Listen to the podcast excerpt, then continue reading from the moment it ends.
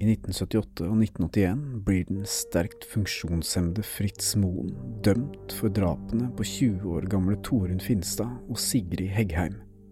Moen ble dømt til 21 års fengsel og 10 års sikring.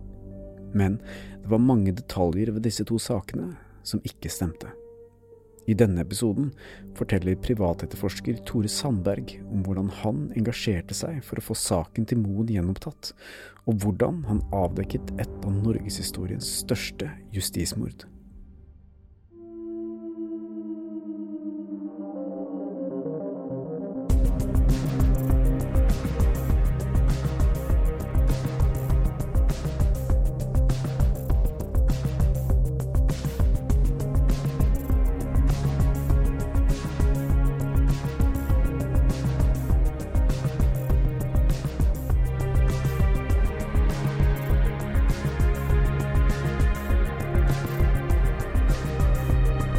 Velkommen til oss, eh, Tore Sandberg. Når jeg tenker på deg, så tenker jeg liksom rettsvesenets eh, vaktbikkje.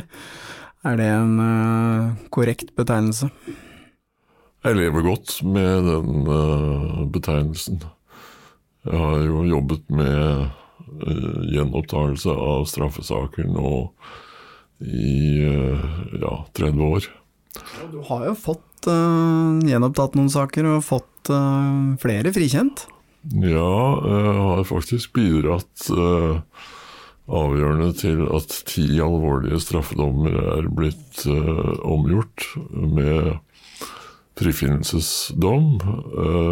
omtrent halvparten gjenopptakelsessaker, og den andre halvparten hvor jeg er blitt kontaktet etter dom i tingrett og vært inne da under anke behandling til lagmannsrett. Som da i disse sakene har endt med frifinnelse i lagmannsrett. Du er jo mest kjent som privatetterforsker, men eh, det var ikke der det starta for din del? Nei, altså jeg uh, har jo vært nyhetsjournalist i uh, eh, 13 år i, uh, i, NRK. Først i, i Dagsnytt i radio, og, og deretter i, i Dagsrevyen. Eh, jeg interesserte meg for en del alvorlige straffesaker, bl.a. to seksualdrap som eh, fant sted i Trondheim på 70-tallet. To unge uh, jenter som uh, altså både ble voldtatt og, og drept. Ja. Og du, du, var i Trondheim for å dekke det som journalist for uh, NRK? Det var jeg. Ja. Jeg reagerte jo også den gangen som, som journalist. Det var forhold der som jeg syns stemte dårlig. Men som journalister den gangen så var det jo sånn at når dom var avsagt, så var greia over. Ja. Uh, og da skulle det videre til neste sending, neste sak. Men den ble da liggende og, uh, og murre i meg i, i, mange år.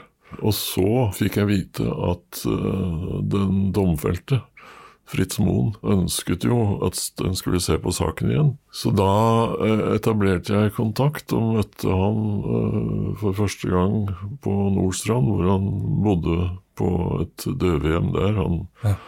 han, var jo fra fødselen nesten døv. Og der hadde vi da et antall uh, samtaler, og hvor jeg da i utgangspunktet bare ba han om å fortelle uh, fra sitt ståsted. Uh, jeg satt jo fra tidligere med, med mye informasjon om saken som journalist.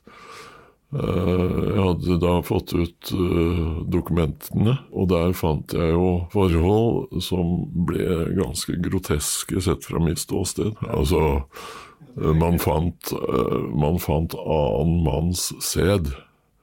Både i offeret og på, på klærne. Fritz Moen hadde alibi. Han var ikke i Trondheim på tidspunktet for at Sigrid hadde vært på lørdagsfest i Studentersamfunnet. Hvor, hvor, var, hvor var, Fritz Moen, da?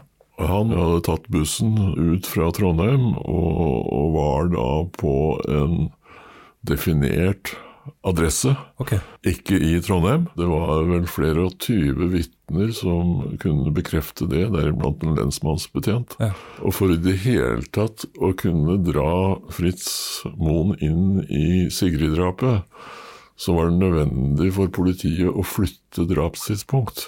Så politiet flytta tidspunktet for drapet? Ja. Politiet flytta eh, drapstidspunktet. Ingen hadde sett henne etter lørdagsfesten i, i Studentersamfunnet.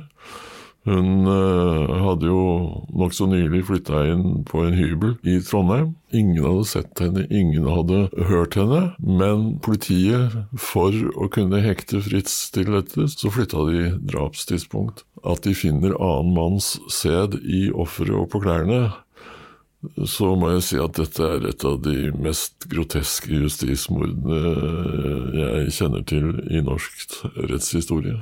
Og eh, jeg vet hva vi tok det litt i sted, men eh, denne Fritz Moen, eh, hva, hva kan du si om han? Eh, han hadde tysk far eh, som han aldri hadde sett.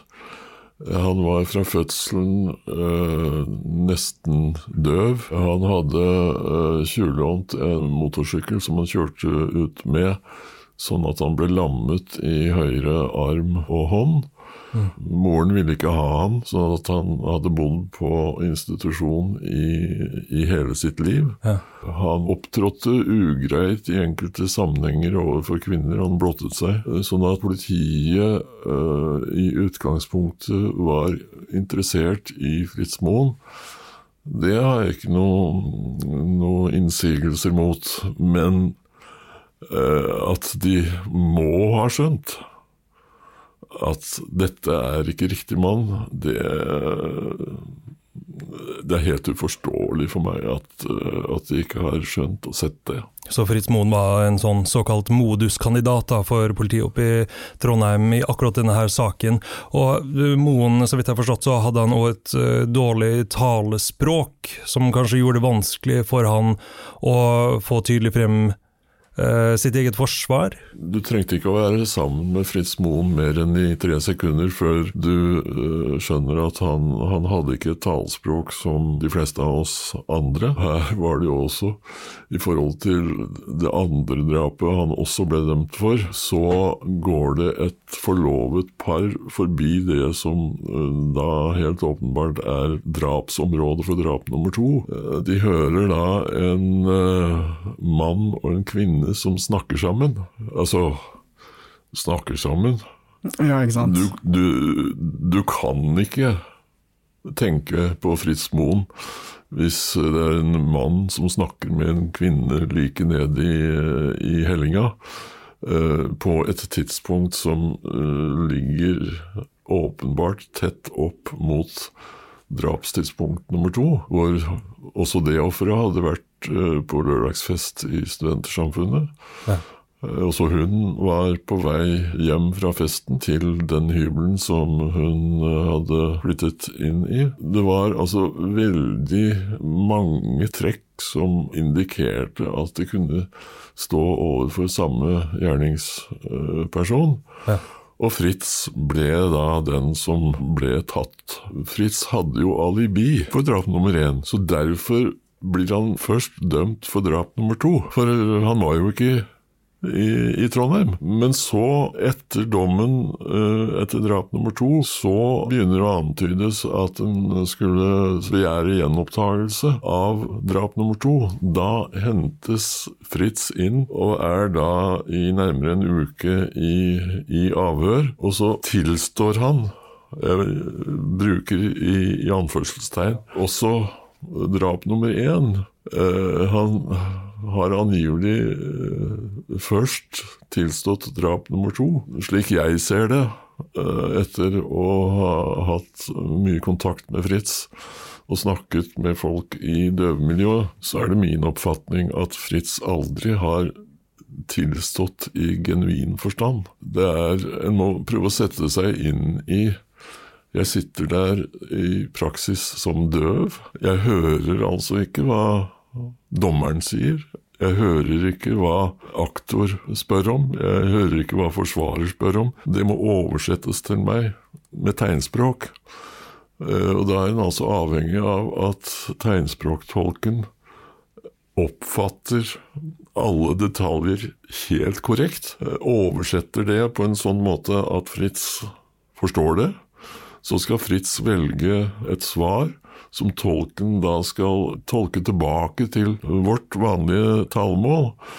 Og ingen av de som sitter der og bestemmer, har egentlig bakgrunn for å kontrollere er hele den prosessen der gått korrekt for seg. Ja, Det blir litt sånn lost in translation. Og der var det jo faktisk en psykiatrisk sakkyndig som gjorde anskrik i retten. Sa fra til dommeren at nå går det for fort. Jeg tror ikke Fritz forstår det som blir sagt. Og hun ble da truet med å bli sparka ut av retten hvis hun gjorde noen flere innsigelser. Så Fritz er altså en uh, person, jeg kjenner ikke til noen andre i norsk uh, rettshistorie, som uskyldig er dømt for to drap i to helt separate rettssaker runder. Men hvilke, hvilke sånn, konkrete bevis hadde politiet som de la fram i retten? Var det bare en tilståelse fra han, eller var det liksom, mente de at de hadde konkrete bevis? Ja, nei, det var, det var tilståelse. Jeg må, må, jo si at når vi da, når vi da gikk opp løypa uh, ut fra Fritz sine tilståelsesforklaringer, så er det jo helt åpenbart Eh, han er helt i tåka. Ta ett eksempel fra drap nummer to. Drapet på Torunn Finstad. Fritz skal da ha stilt seg ved en bro som går over Nidelva, omtrent i høyde med Lerkendal stadion, for de som er kjent i Trondheim. Eh, da skal det ha kommet en kvinne. Han, etter sin tilståelsesforklaring, så begynner han å følge etter henne, blir mer og mer seksuelt opphisset og så, ved enden av brua, griper han fatt i denne kvinnen med sin eh, venstre, friske arm, vrenger henne over brorekkverket, sånn at hun faller ned ved brofundamentet. Alle som har uh, vært borti etterforskning av uh, drapet på Torunn Finstad, skjønner jo at han er ikke i nærheten. Det var ikke ved brofundamentet Eh, Torunn ble funnet. Hun ble funnet et par hundre meter lenger opp i elva. Det, det er åpenbart at når de avhører han, så skjønner politiet også. Dette her stemmer jo ikke. Vi må flytte han eh, lenger innover stien på den andre siden av elva. Men, men så, altså Fritz Moen forklarte at han hadde overfalt en dame på en bro? Ja, men jeg husker da vi fulgte uh, rettssaken Han bodde altså i et slags hjem for sosialklienter i nærheten av elva. De hadde hatt en sammenkomst om kvelden, og når han da dras inn i dette, uh, også på en meget spesiell måte Hvordan interesserer politiet seg i det hele tatt for uh, Fritz? Jo, det er en tolv år gammel skoleelev som fortalte at han hadde gått på denne stien. Da ser han en kar, forteller han, som står over rekkverket og kaster opp. Politiet får det for seg at dette kan være gjerningsmannen som eh, vender tilbake til området og får problemer. Og tolvåringen blir da tatt med til dette hjemmet hvor Fritz bor. Bestyreren blir bedt om å hente Fritz. Tolvåringen og politimannen står bak glassdøra. Og politimannen skriver så en rapport om at tolvåringen med sikkerhet hadde pekt ut Fritz. Det er faktisk blank løgn. Jeg møtte tolvåringen mange år senere og sa nei, jeg var jo ikke sikker. Men han eh, hadde jo snakket til mannen og spurt om han trengte hjelp. Og han fikk svar. Mannen snakket trønderdialekt. Ja, Så han fikk et tydelig svar, så det kunne umulig ha vært Fritz Moen? Altså, eh, alle som har jobbet med Fritz' sak, må ha skjønt oppkastmannen var ikke Fritz Moen. Det er jo helt eh, absurd å kunne koble han inn i trønderdialekt. Dessuten så, så førte han jo ikke en normal samtale. Nei. Det kom altså lyder, og du kunne tolke enkelte ord. Han kunne ikke prate Frismoen enkelt og greit? Eh, ikke på en vanlig måte, nei. nei. Mens denne tolvåringen hadde hatt en samtale med den personen som sto ja. spøy på broa? Ja, og det fremgår av den rapporten som uh, politimannen som avhørte tolvåringen da laget, at mannen, oppkastmannen hadde snakket trønderdialekt. Der er vi også inne på noe som ganske raskt ble et veldig sentralt poeng for meg i de sakene jeg var inne i. Det er noe politiet kalte for nulldokumenter. Ja, det har vi hørt om tidligere. Fortell om det, Tore. Nulldokumenter, det skulle angivelig være dokumenter som ikke var av betydning i saken, som da ikke gikk til sakens parter. I utgangspunktet kan det høres tilforlatelig ut at vi skal spare aktørene for å lese gjennom alt mølet som, som åpenbart ikke har noe med, med saken å gjøre. Men at tolvåringen eh, skulle være null dokument eh, altså det, det, det, er vanskelig å, for meg å tolke det på noen annen måte enn at disse dokumentene passer ikke inn i det hendelsesforløp som vi vil bringe fram til retten, fordi de skurrer jo helt åpenbart.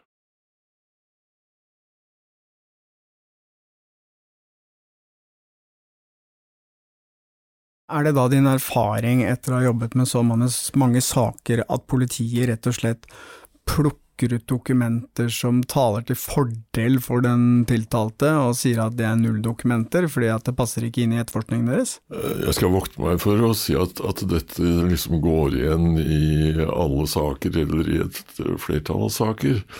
Men jeg har vært inne i et forskrekkelig antall saker hvor dette har vært en gjennomgangsmelodi. Vi har jo hørt eh, advokat Sigurd Klomsæt fortelle om eh, at uh, nulldokumenter var helt sentrale i frifinnelsen av fetteren i Birgitte Tengs-saken, blant annet.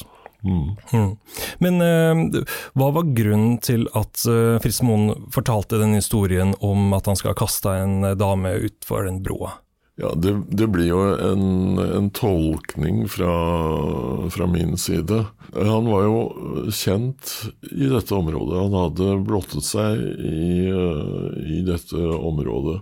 Jeg oppfatter han sånn at han ville hjelpe politiet med å, å løse saker. Så uh, han har altså en, en tilståelseshistorie. Det er jo en oversettelse.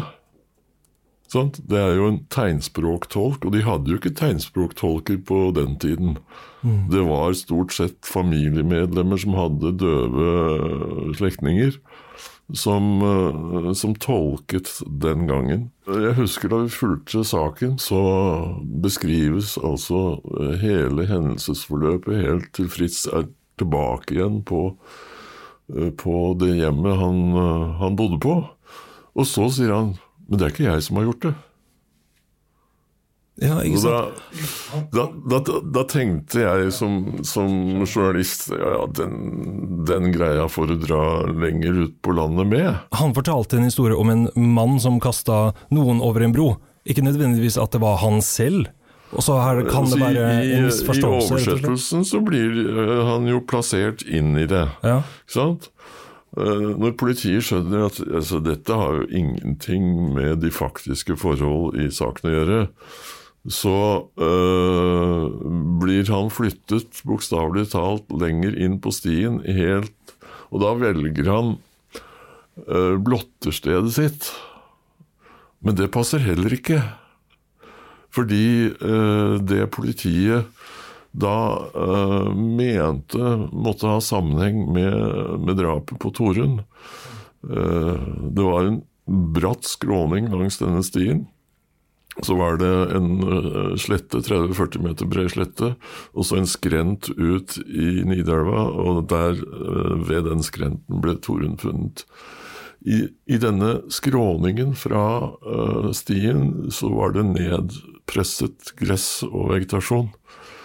Og Det uh, mente politiet da uh, skyldtes at Torunn var blitt slått bevisstløs oppe på stien, skjøvet utenfor skråningen, og at uh, kroppen hennes da hadde fått vegetasjonen til å, å bli nedpresset.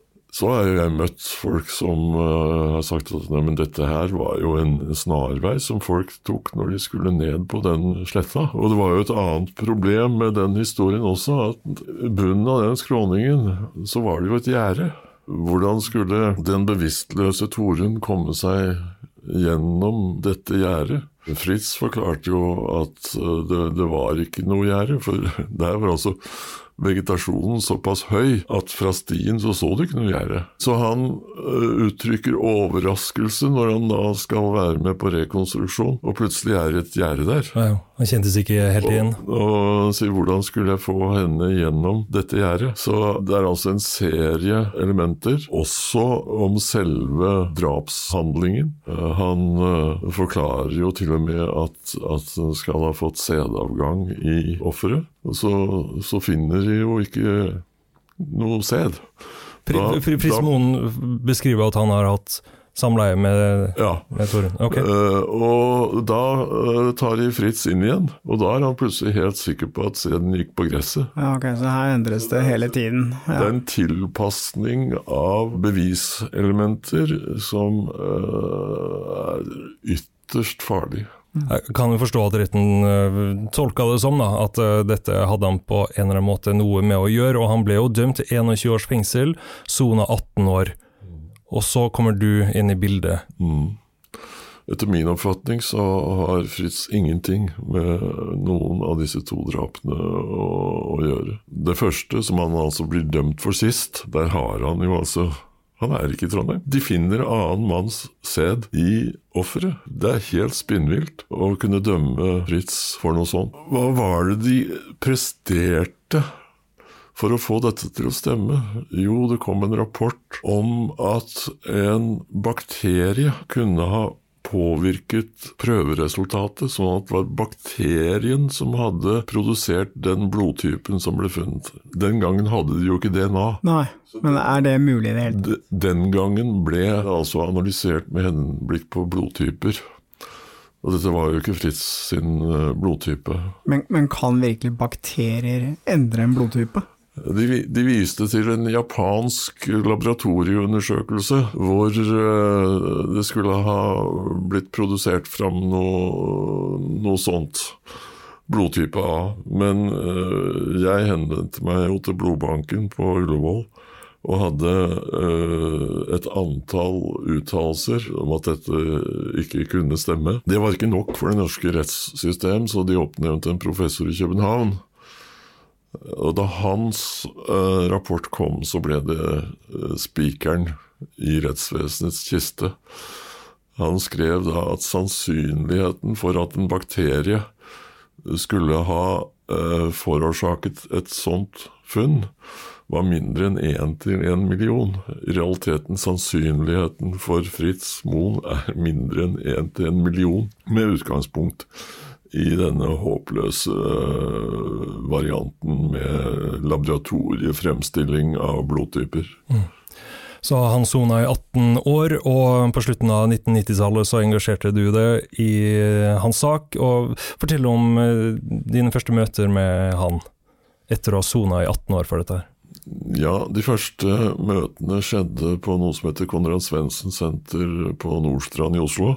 Et hjem for døve, hvor jeg da møtte Fritz. Jeg hadde jo en bakgrunn i begge drapssakene eh, som jeg hadde dekket for eh, Dagsrevyen. Og så hadde jeg skaffet meg da dokumentene i saken. Men jeg ville at Fritz selv skulle fortelle meg historien, sett fra hans ståsted. Jeg skulle altså ikke begynne å påvirke han eh, ved å fortelle han om mine egne erfaringer og uh, innholdet i dokumenter. Han beskrev jo da, han sa jo 'politiet lærer meg'.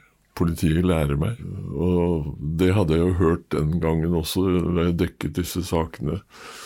Så tenkte jeg vi har, jo, vi har jo ikke et system i Norge hvor politiet lærer meg uh, hva men når du da tenker på denne historien med vrenger henne over brorekkverket, og hun faller ned ved brofundamentet, noe som altså åpenbart ikke har noen ting med drapet på Torunn Finstad å gjøre, Eh, og politiet skjønner det, og får han til å bevege seg innover stien. Ja, er ikke det en læring? Ja, altså Han mente jo egentlig da at politiet fortalte han egentlig hva som hadde skjedd, da. Ja, og, og når han da øh, beveger seg inn til blotterstedet sitt, så, så bommer han ifølge politiets teori på det også. Så han må beveges øh, et stykke tilbake mot brua før det begynner liksom å nærme seg den teorien som politiet da hadde hatt for seg. Jeg syns det, det, er en skremmende måte å etterforske en drapssak på. Mm, Fritz Moen ble jo frikjent for begge disse her drapene som han eh, sona 18 år for. Men hva var det som ble avgjørende for hans definitive frifinnelse? Ja, det, det spesielle var jo at da han fikk sak opp igjen, så fikk han ikke begge saker opp igjen. Han fikk bare opp igjen eh, det første drapet, og, og, ikke det andre. Sigrid-drapet som han hadde alibi for. Ja, ja. ja. Og dermed så ble Høyesterett altså de første som for alvor mente at vi sto overfor to forskjellige gjerningspersoner. Både politiet og vi som har jobbet med gjenåpningssaken, har holdt det for ganske sannsynlig at uh, vi står overfor uh, samme gjerningsperson. Mm.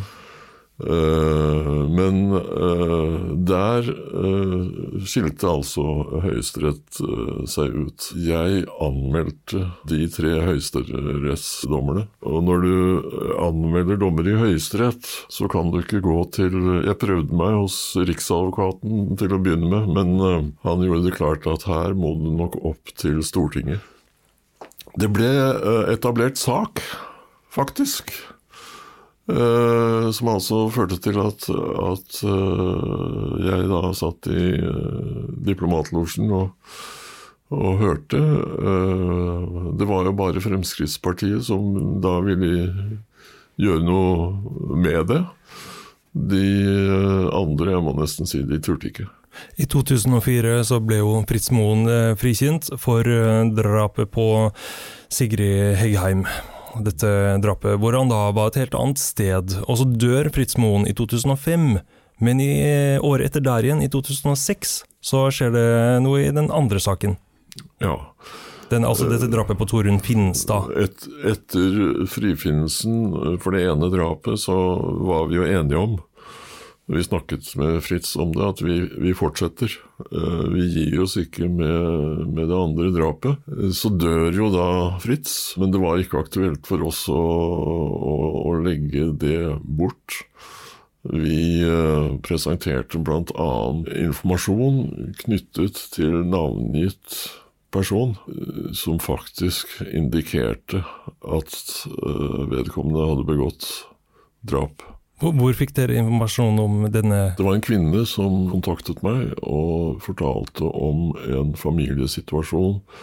Eh, jeg tror ikke jeg vil gå veldig mye i detalj inn i, i det, men, men, hun beskrev da et familiemedlem som hadde begått seksuelle overgrep mot flere kvinner i familien, uten at de underveis egentlig visste om hverandre. Eh, vedkommende er senere dømt til betydelige fengselsstraffer. Eh, den ene fem år, den andre tre og et halvt år. Og eh, hvor han altså til et av disse familiemedlemmene uttaler nesten direkte drap på Torunn Heggheim.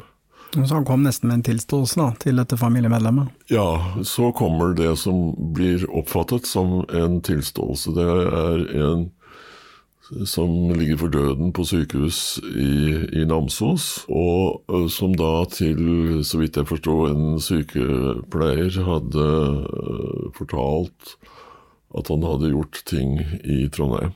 Trondheimspolitiet blir tilkalt. Eh, men underveis til Namsos så får de beskjed om at han har avgått ved døden. så tar de jo blodprøve av vedkommende. For du hadde jo dette med blodtyping, ikke sant?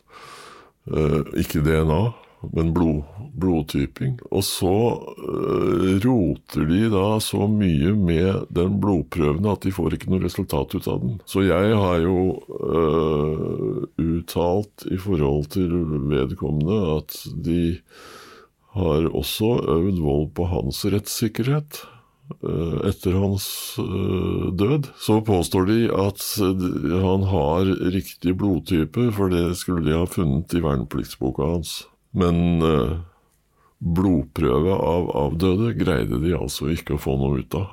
Men den ø, blodtypen som sto i vernepliktsboken, matcha den funnen som ble gjort på Så, Torunn? så vidt jeg husker, så gjorde det det. Ja. Nå, nå er vi inne på detaljer hvor eh, det, er, det er en del år siden. Ja, ja, ja. Men, Jeg, eh, men, men det endte med at Fritz Moen ble frikjent for drapet på Torunn Finstad. ja, også etter sin død. Ja. Ja, jeg kjenner ikke mange, hvis noen, uh, historier i europeisk rettshistorie hvor en og samme person i to helt separate eh, rettsrunder er blitt dømt uskyldig for to drap. Mm. Eh, Jeg tror det må være noe bortimot enestående. Og jeg syns ikke det er noe å skryte av for det norske rettssystem. Det er helt åpenbare svakheter i eh, rettssystemet. Og med det så tenker jeg da på uh, hele veien fra en forbrytelse blir begått, etterforskningen uh, av den. Uh, det har for ofte vært sånn at man låser seg til et spor eller en antagelse om hva som kan ha skjedd. Det kan være tilsynelatende ganske åpenbare spor i den retningen som etterforskningen går. Men eh, det er jo helt logisk selvinnlysende at jeg har ikke kommet borti det som er av justismord i Norge. Eh, det er atskillig flere, helt åpenbart. Og noe av det eh, som jeg syns er aller alvorligst, er den manglende evnen og viljen, ikke minst viljen til aktørene i, i systemet, til å gå i seg selv, tenke kan det ha skjedd en feil? Og hvis jeg tenker den tanken, gjør jeg noe for å sjekke om det kunne være feil? Og det er det altfor liten vilje til i eh, nesten i alle ledd i det norske rettssystemet. Det er jo en del saker som, som kommer opp igjen. Vi har sett Baneheia-saken nå, vi har sett Tengs-saken. Tror du det er mange andre saker der ute som, hvor folk er feilaktig dømt, rett og slett?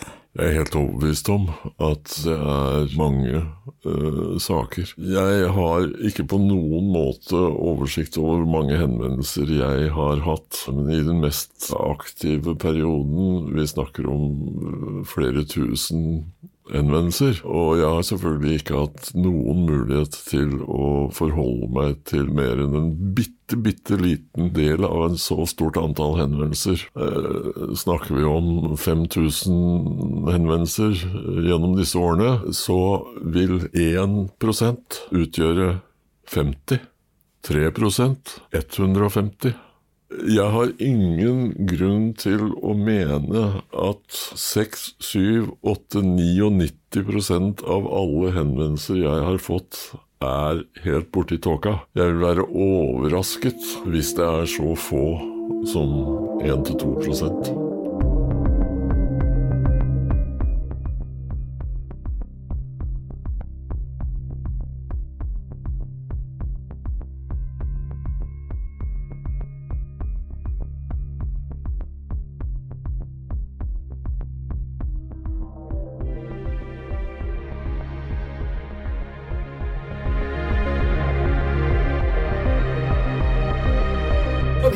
vi skal? Vi skal til Trondheim, yep. på Byscenen. Ja. Vi skal til Bergen. ja. Og vi skal selvfølgelig til eh, Rockefeller. Så dette blir jo en sånn miniturné som vi starter med nå i april. Og eh, hvis det blir en suksess, så planlegger vi litt sånn større suksess Større suksess? Vi planlegger en større turné. suksess. 20. april starter vi turneen eh, på eh, nær... eh, I nær... Hva heter det? for? Lokalt. Starter vi turneen lokalt på Rockefeller. Mhm. Eh, fortsetter uka etter til eh, Tro... Nei, Trondheim. Trondheim først. Ja, 27.